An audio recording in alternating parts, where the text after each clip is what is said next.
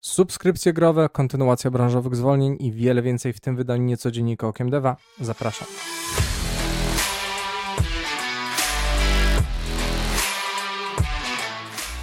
Witam serdecznie, nazywam się Grzegorz Wątroba, to mój kanał Okiem Deva. W dzisiejszym niecodzienniku, czyli nieregularnym podsumowaniu najświeższych wiadomości ze świata gier mamy sporo ciekawych informacji, więc zaczynamy. Kolejny tydzień, kolejne branżowe zwolnienia. CI Games zwolniło 10% swojej załogi w związku z kiepskimi wynikami Lords of the Fallen. W 3 miesiące sprzedali około 1 milion kopii, co nie pokryło nawet kosztów produkcji wynoszących 66,2 miliona dolarów, ponad 280 milionów złotych. Tak więc nie dajcie się zwieść nagłówką głoszącym zdziwienie, że studio które odniosło sukces, teraz zwalnia, bo niestety tego sukcesu po prostu nie ma. Nesbit Games, tworzące gry mobilne i PC, zwalnia 25 pracowników ze względu na problemy finansowe. Firma poszukuje funduszy, by zainwestować w pozyskanie użytkowników, w szczególności na platformach mobilnych. Vimo Games, zespół 35 ludzi tworzący mniejsze tytuły pokroju Battle Boss czy Micro Machines Mini Mayhem Challenge, zostaje zamknięte ze względu na problemy z finansowaniem. Behavior Interactive, twórcy Day by Daylight, zwolnili 3% swoich pracowników, czyli około 45 osób, ze względu na problemy z finansowaniem kolejnych projektów. Thunderful Group, e, wielki szwedzki holding składający się z twórców, wydawców i inwestorów, planuje zwolnić około 20% swoich pracowników w różnych działach, by zachować płynność finansową i zaoszczędzić około 10 milionów dolarów na tym działaniu. Pod skrzydłami tej firmy powstały takie gry jak Steam World Build, LEGO Bricktales czy Planet of Lana. 31st Union Studio, liczące około 100 osób, będące zespołem wsparcia dla 2K Games, zwolniło niecałe 10 osób z zespołu nieprodukcyjnego, natomiast nadal ma otwarcie dla ponad 20 deweloperów, m.in. programistów, tech-artu, animatorów, artystów oświetlenia środowiska czy materiałów. Ledwo minęły 3 tygodnie od początku tego roku, a zwolniono ponad 2000 osób związanych z przemysłem gier wideo. Najwięcej tutaj oczywiście udziału miało Unity. E, co prawda nowe studia są zakładane, a projekty nadal startują, jednak wydaje mi się, że co najmniej ten kwartał będzie jeszcze obfitował w podobne historie. A teraz nowa sekcja, czyli zestaw szybkich informacji o nadchodzących grach. Po pierwsze Sovereign Syndicate, czyli wiktoriański RPG w klimacie steampunkowym z elementami nawiązującymi do Disco Elysium jest już dostępny i zbiera oceny powyżej 80%, więc jest nieźle. Twórcy Dave the Diver, Mint Rocket zapowiadają Wake Runners, Twin Stick Shooter z perspektywy izometrycznej nastawiony na kompetytywny multiplayer wykorzystujący unikalne mechaniki poruszania się.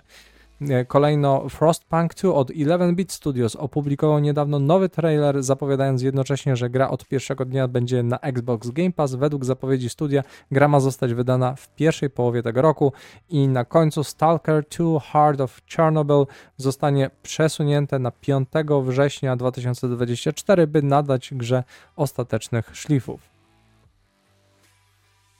Colossal Order, twórcy City Skylines 2, poinformowali o pracach nad e, wsparciem dla modów i edytorem. E, zanim zostaną wprowadzone, najpierw planują naprawić błędy. Studio wyraziło też zaniepokojenie rosnącą toksycznością społeczności zarówno wobec deweloperów, jak i innych graczy, co może zniechęcić do twórczości modowania. E, Colossal Order zauważyło, że takie zachowanie demotywuje zespół i apeluje o konstruktywną krytykę oraz życzliwość dla społeczności. Mieszane reakcje na komunikat dotyczą zarówno wsparcia wsparcia dla deweloperów, jak i krytyki wolnego tempa wprowadzania poprawek. Gracze uważają, że City Skylines 2 miało problemy na starcie już i wskazują na niedopracowanie, błędy gry, problemy z wydajnością. Stąd opracowali kilka wskazówek, jak zgłaszać problemy. E, udzielajcie konstruktywnej krytyki, szczegółowo wskazując błędy. Zakładajcie, że ludzie przychodzą z dobrymi intencjami i tekście ciężko oddać ton. Twórzcie z nami społeczność, która jest dla siebie miła, dając odpowiedni przykład innym. Zawsze starajcie być e, się dla siebie życzliwi. I szczerze powiedziawszy, to mocne słowa jak na zespół, który nie dostarczył, a dodatkowo skasował za to pieniądze, dając w sumie słabe wskazówki sugerujące po prostu nagłaskanie się po głowach. Postaram się jak najszybciej opracować mój wykład o komunikacji w zespołach kreatywnych i tam usłyszycie znacznie bardziej konkretne wskazówki, jak udzielać informacji zwrotnej, a jednocześnie bez agresji czy też ryzyka bycia źle zrozumianym. Śmiało piszcie, pytajcie, czy też nie zgadzacie się ze mną w komentarzach. Na wszelkie pytania postaram się odpowiedzieć najpóźniej w trakcie następnego live'a, więc e, zapraszam. W wywiadzie dla Bloomberg Satya Nadella, e, CEO Microsoftu, omówił sytuację branży gier po przejęciu Activision Blizzard. Microsoft zobowiązał się do publikacji gier Activision Blizzard na innych platformach, w tym po raz pierwszy na Nintendo Switch, w szczególności tytułów serii Call of Duty. Nadal podkreślił, że Microsoft chce być dobrym wydawcą na platformach, które jeszcze niedawno były postrzegane jako konkurencja. Cel Microsoftu to stać się liderem w branży gier, a dzięki niedawnym przejęciom jest to coraz bardziej realne wzrost pozycji Xboxa, sukces usługi Game Pass i przejrzystość w komunikacji zwiększają szanse na osiągnięcie tego celu. E, także też ich plany, że gry najpierw będą wydawane jako główny bądź czasowy ekskluzyw na Xboxa i PC, a potem na inne platformy, może też się sprawdzić jako zadowolenie jednocześnie e, potrzeb rynkowych i zarobienie dodatkowych pieniędzy, jak i też potrzeb innych graczy, zwłaszcza, że architektura chociażby Xboxa czy PlayStation 5 jest tak bardzo zbliżona do siebie, że portowanie nie jest aż tak dużym wyzwaniem, jakby to mogło być parę, e, powiedzmy, generacji wstecz. Sony rzekomo zwraca pieniądze posiadaczom The Last of Us 2 e, na PlayStation 4, którzy kupili pełną wersję na PlayStation 5, nie zdając sobie sprawy z możliwości zaktualizowania gry z poprzedniej generacji do nowej za 10 do, do, dolarów tudzież funtów. Zgodnie z raportami Sony automatycznie refunduje zakupy The Last of Us 2 e, Remastered tym, którzy posiadają cyfrową wersję gry na PlayStation 4. Zwrócone środki trafią na pierwotną metodę płatności lub portfel PlayStation Network. Remaster oferuje e, ulepszoną grafikę, nowy tryb e, przetrwania typu roguelike e, o tytule No Return oraz trzy wcześniej usunięte poziomy gry. Jest to na pewno jakiś pozytywny krok. Szkoda, że nie dla wszystkich, ale ciężko by było zweryfikować po prostu ten zakup w przypadku każdym, natomiast no mając to po prostu na cyfrowym koncie w PlayStation Network jest jasne, że ktoś po prostu przepłacił wciąż. To zamieszanie z PSN-em to nie jest pierwszy raz w przypadku drugiej części Horizona też był taki problem e, i tak naprawdę do tej pory nie ogarnęli tego sklepu, to trochę słabo. Poza tym się cały czas zastanawiam tak naprawdę, jeżeli nie grało się wcześniej w e, The Last of Us Part 2, dla kogo jest ten remaster? Wciąż nie wiem. Square Enix potwierdziło, że ich nadchodząca strzelanina online Foam Stars zawiera grafikę wygenerowaną za pomocą sztucznej inteligencji. Według producenta gry Kosuke Okatani zespół wykorzystał narzędzie AI o nazwie Midjourney, które generuje sztukę z opisów e, tekstowych. Sztukę. Ha, raczej po prostu grafikę. E, grafika AI stanowi zaledwie około 1,1% zawartości gry i została użyta głównie, nie jak to pomierzyli, po prostu w bajtach, czy jak, i została użyta głównie do stworzenia okładek albumów widocznych w grze. Square Enix zaznaczyło, że zawsze rozważa nowe technologie wspierające rozwój gier i w tym przypadku zdecydowano się e, wykorzystać Midjourney do tworzenia to abstrakcyjnych obrazów. Prezes firmy Takashi Kiryu wyraził przekonanie, że AI generatywne ma potencjał zmienić nie tylko to, co tworzą, ale także sam proces twórczy, w tym programowanie. I okej, okay, jako narzędzie AI jest naprawdę spoko. Natomiast samo przyznanie się do korzystania z Midjourney, które narusza prawa autorskie, ja chcę zobaczyć teraz, czy ta gra wyjdzie na Steama. Dlatego, bo według dyrektyw Steama ta gra już się dyskwalifikuje sama publicznie, ogłaszając, że korzysta z Midjourney, które wykorzystało między innymi do uczenia się e, obrazów, które, e, których autorzy nie wyrazili zgody na to, by, się, by zostały udzielone właśnie sztucznej inteligencji do przetrenowania więc tym samym naruszają prawa autorskie i tym samym te właśnie grafiki będą problematyczne. Jestem teraz ciekaw, jak Steam na to zareaguje, bo y, tutaj no, sami autorzy przyznali się do naruszenia praw autorskich tym samym. Dlatego, bo jest taki w ogóle materiał y, znowu z mojego ulubionego kanału pod tym kątem Hawks Law, który tłumaczy prawne reperkusje mm, zasad Steama, jak i ostatniej dysputy między chyba New York Times czy Washington Post, a właśnie OpenAI. Więc tam właśnie wyjaśniają pewne założenia i pewne precedensy, e, na podstawie tych rozpraw zostaną opracowane, które posłużą się na pewno też e, przy rozwiązywaniu tych spraw związanych z AI i grami. Wciąż to jest prosta zasada. Jeżeli ma się swoje źródła, swój, swoją instancję AI, która uczyła się na rzeczach, które wy wyprodukowaliście i macie do nich prawo, wszystko jest ok.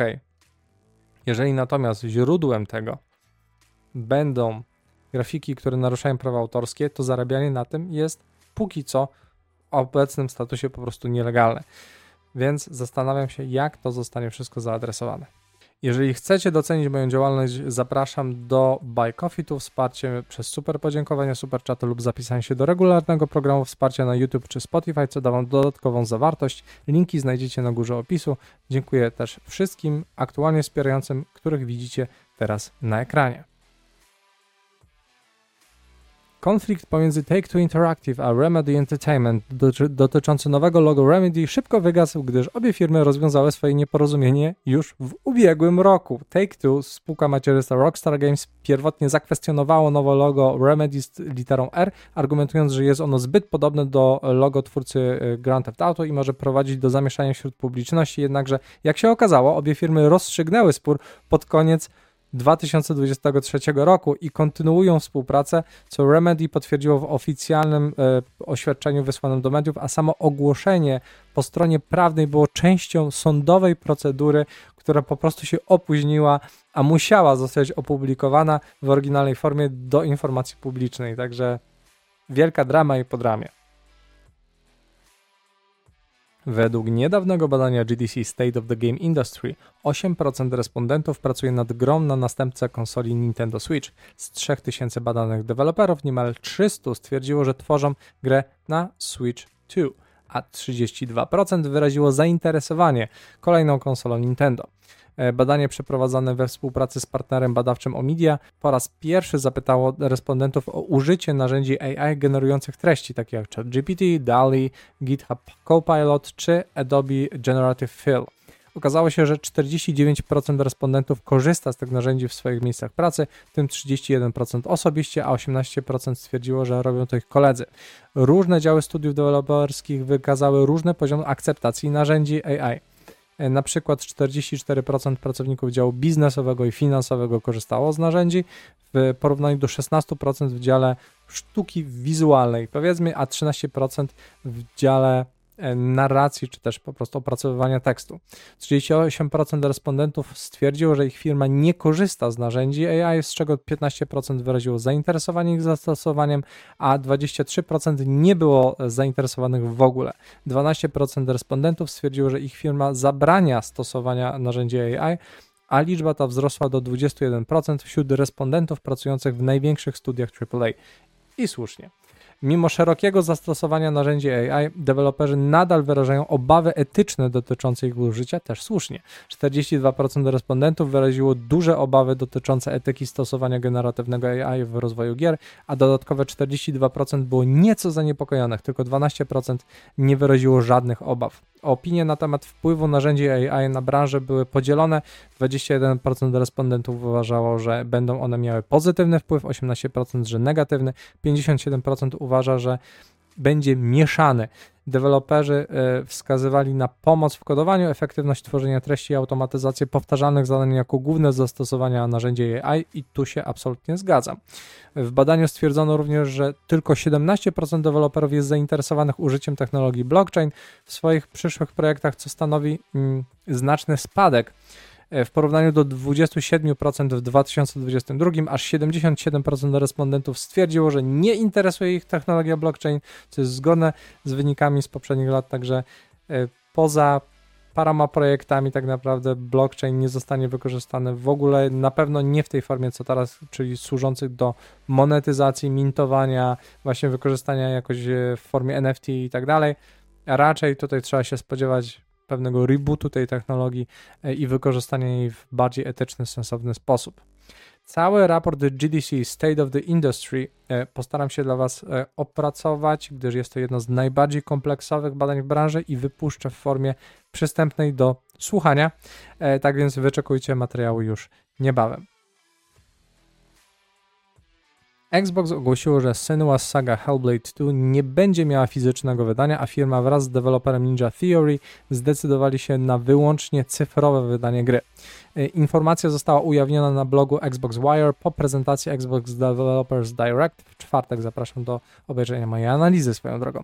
E, Senua's Saga Hellblade 2 będzie grą stworzoną z serca, tak mówią twórcy. Grą o podobnej długości do pierwszego Hellblade, skupioną e, ze, skupiającą się na narracji, dostępną wyłącznie w sprzedaży cyfrowej za cenę 50 dolarów, powiedział szef studia Ninja Theory Dom Matthews.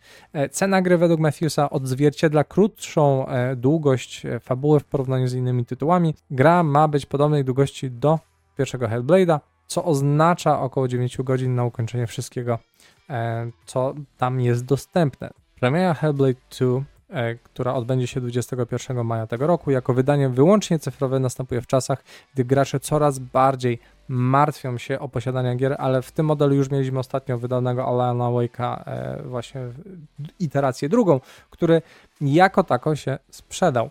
E, stawiam, że i tak za jakiś czas koneserzy dostaną to, o co się upomną, czyli jakąś limitowaną, limitowaną przynajmniej edycję fizyczną. Wciąż przypadku Hellblade'a i tak większość ogra ten tytuł w Game Passie. Jeżeli słuchacie mnie na platformach podcastowych typu Spotify i pojawi się na nich ankieta lub pytanie, zachęcam do komentowania, oceniania i udostępniania dalej. Jeżeli oglądacie mnie na YouTube, zostawcie tam łapkę w górę, komentarz, suba, czy też udostępniajcie materiał dalej. Właśnie wszelkie działania z Waszej strony naprawdę mi pomogą dotrzeć do szerszej publiki, za co z góry dziękuję.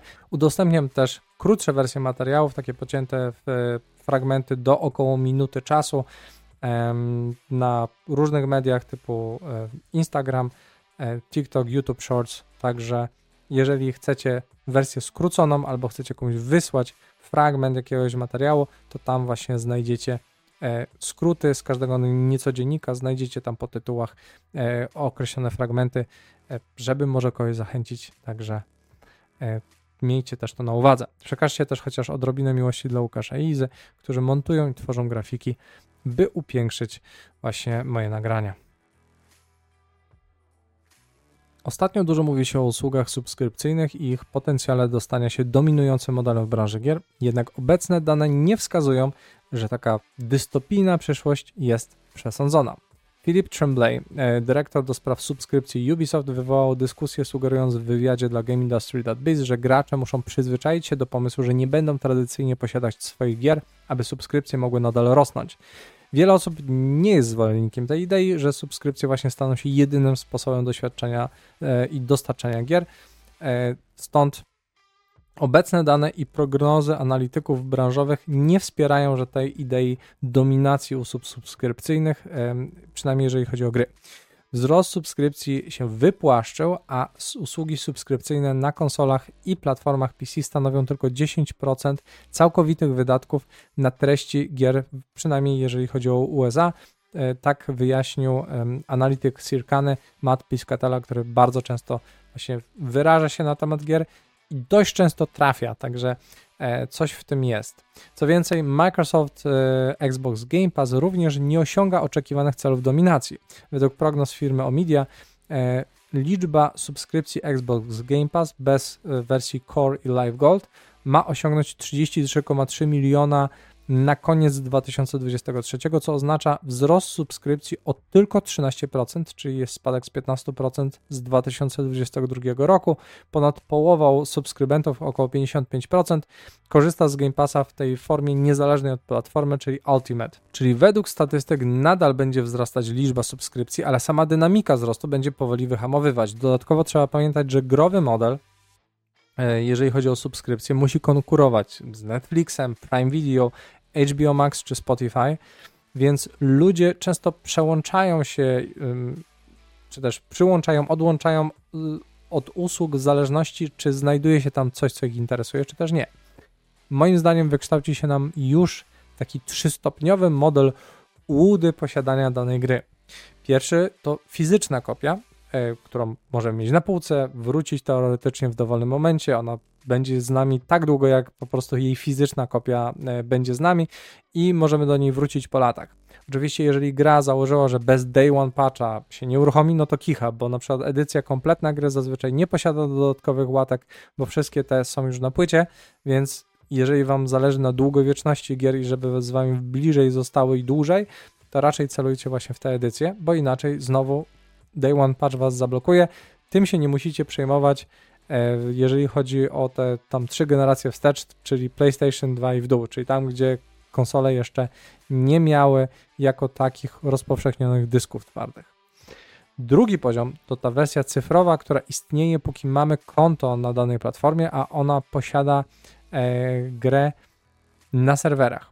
Jednakże po kilku, kilkunastu latach może zostać usunięta chociażby ze względu na wygaśnięcie licencji na muzykę w danej grze, co na przykład e, działo się już kilkukrotnie w przypadku serii Grand Theft Auto, nie wiem, na Steamie na przykład. Trzeci to właśnie subskrypcja. I tutaj nie posiadamy gry w żaden sposób i raczej korzystamy z usługi. I tutaj często gry przychodzą i odchodzą wraz z zakresem licencji, na jakiej są dystrybuowane, tak samo jak macie e, niektóre filmy czy seriale na Netflixie. Jednakże e, ta usługa zapewnia dostęp do wielu tytułów w ramach jednej opłaty, ale opłacalność tej usługi zależy od liczby gier, z których e, korzystamy. Ja na przykład w ostatnim roku zagrałem w 30 parę gier właśnie na samym Xbox Game Pass, więc w zasadzie mi się opłaciło, zwłaszcza, że skorzystałem z jakiejś tam promocji i yy, płaciłem chwilę, yy, przez chwilę przynajmniej taniej za abonament, stąd powiedzmy na moje potrzeby to się sprawdziło. Natomiast te gry, które mi się podobały i tak kupiłem w pudełkach, więc taki po prostu, y, taką, tak, taką mam fantazję. Wydaje mi się, że ważne, iż mamy tą różnorodność i każdy w zależności od potrzeb może wybrać sobie to, w co i jaki sposób chce grać. Gorzej wtedy, gdy brakuje tej możliwości. Dajcie znać, co wy sądzicie i jaki model wy preferujecie. Ja na przykład no, jestem przeciw temu, żeby gry wychodziły tylko w edycji cyfrowej, tak samo tak jak w przypadku Hellblade'a, tego drugiego, jak i drugiego Alana Wake'a. Wolałbym jednak kopię e, na płycie. Z drugiej strony ogram w subskrypcji e, tak, jak będzie to możliwe tylko, a potem poczekam sobie na edycję kompletną e, na płytce. No, ale dajcie znać, jak wy podchodzicie do tego. Już wiem, że ostatnie komentarze właśnie były ku temu, że jednak niektórzy absolutnie są za pudełkami, inni są absolutnie za edycjami cyfrowymi, inni po prostu wolą subskrypcję, bo wolą mieć większą swobodę i nie trzymać rzeczy na półce. Także tutaj, jak macie taką teorię, to czy przyjmujecie to, że po prostu ludzie mają różne potrzeby w tym zakresie, ale też e, co wy preferujecie, dajcie znać jak podchodzicie na przykład do tego, że niektóre gry po prostu wychodzą tylko w jednej formie, nie ma ich dostępnej właśnie na przykład w formie fizycznej, jak w przypadku wspomnianego już Hellblade'a czy Alan Wake'a. I to wszystko w tym wydaniu niecodziennie Okien Deva. Wszelkie materiały źródłowe znajdziecie w opisie i zapraszam też do innych filmów na moim kanale. E, pozostaje mi więc teraz Was pożegnać i życzyć Wam samych pozytywnych popkulturowych doświadczeń i spojrzenia na gry. Okiem Deva.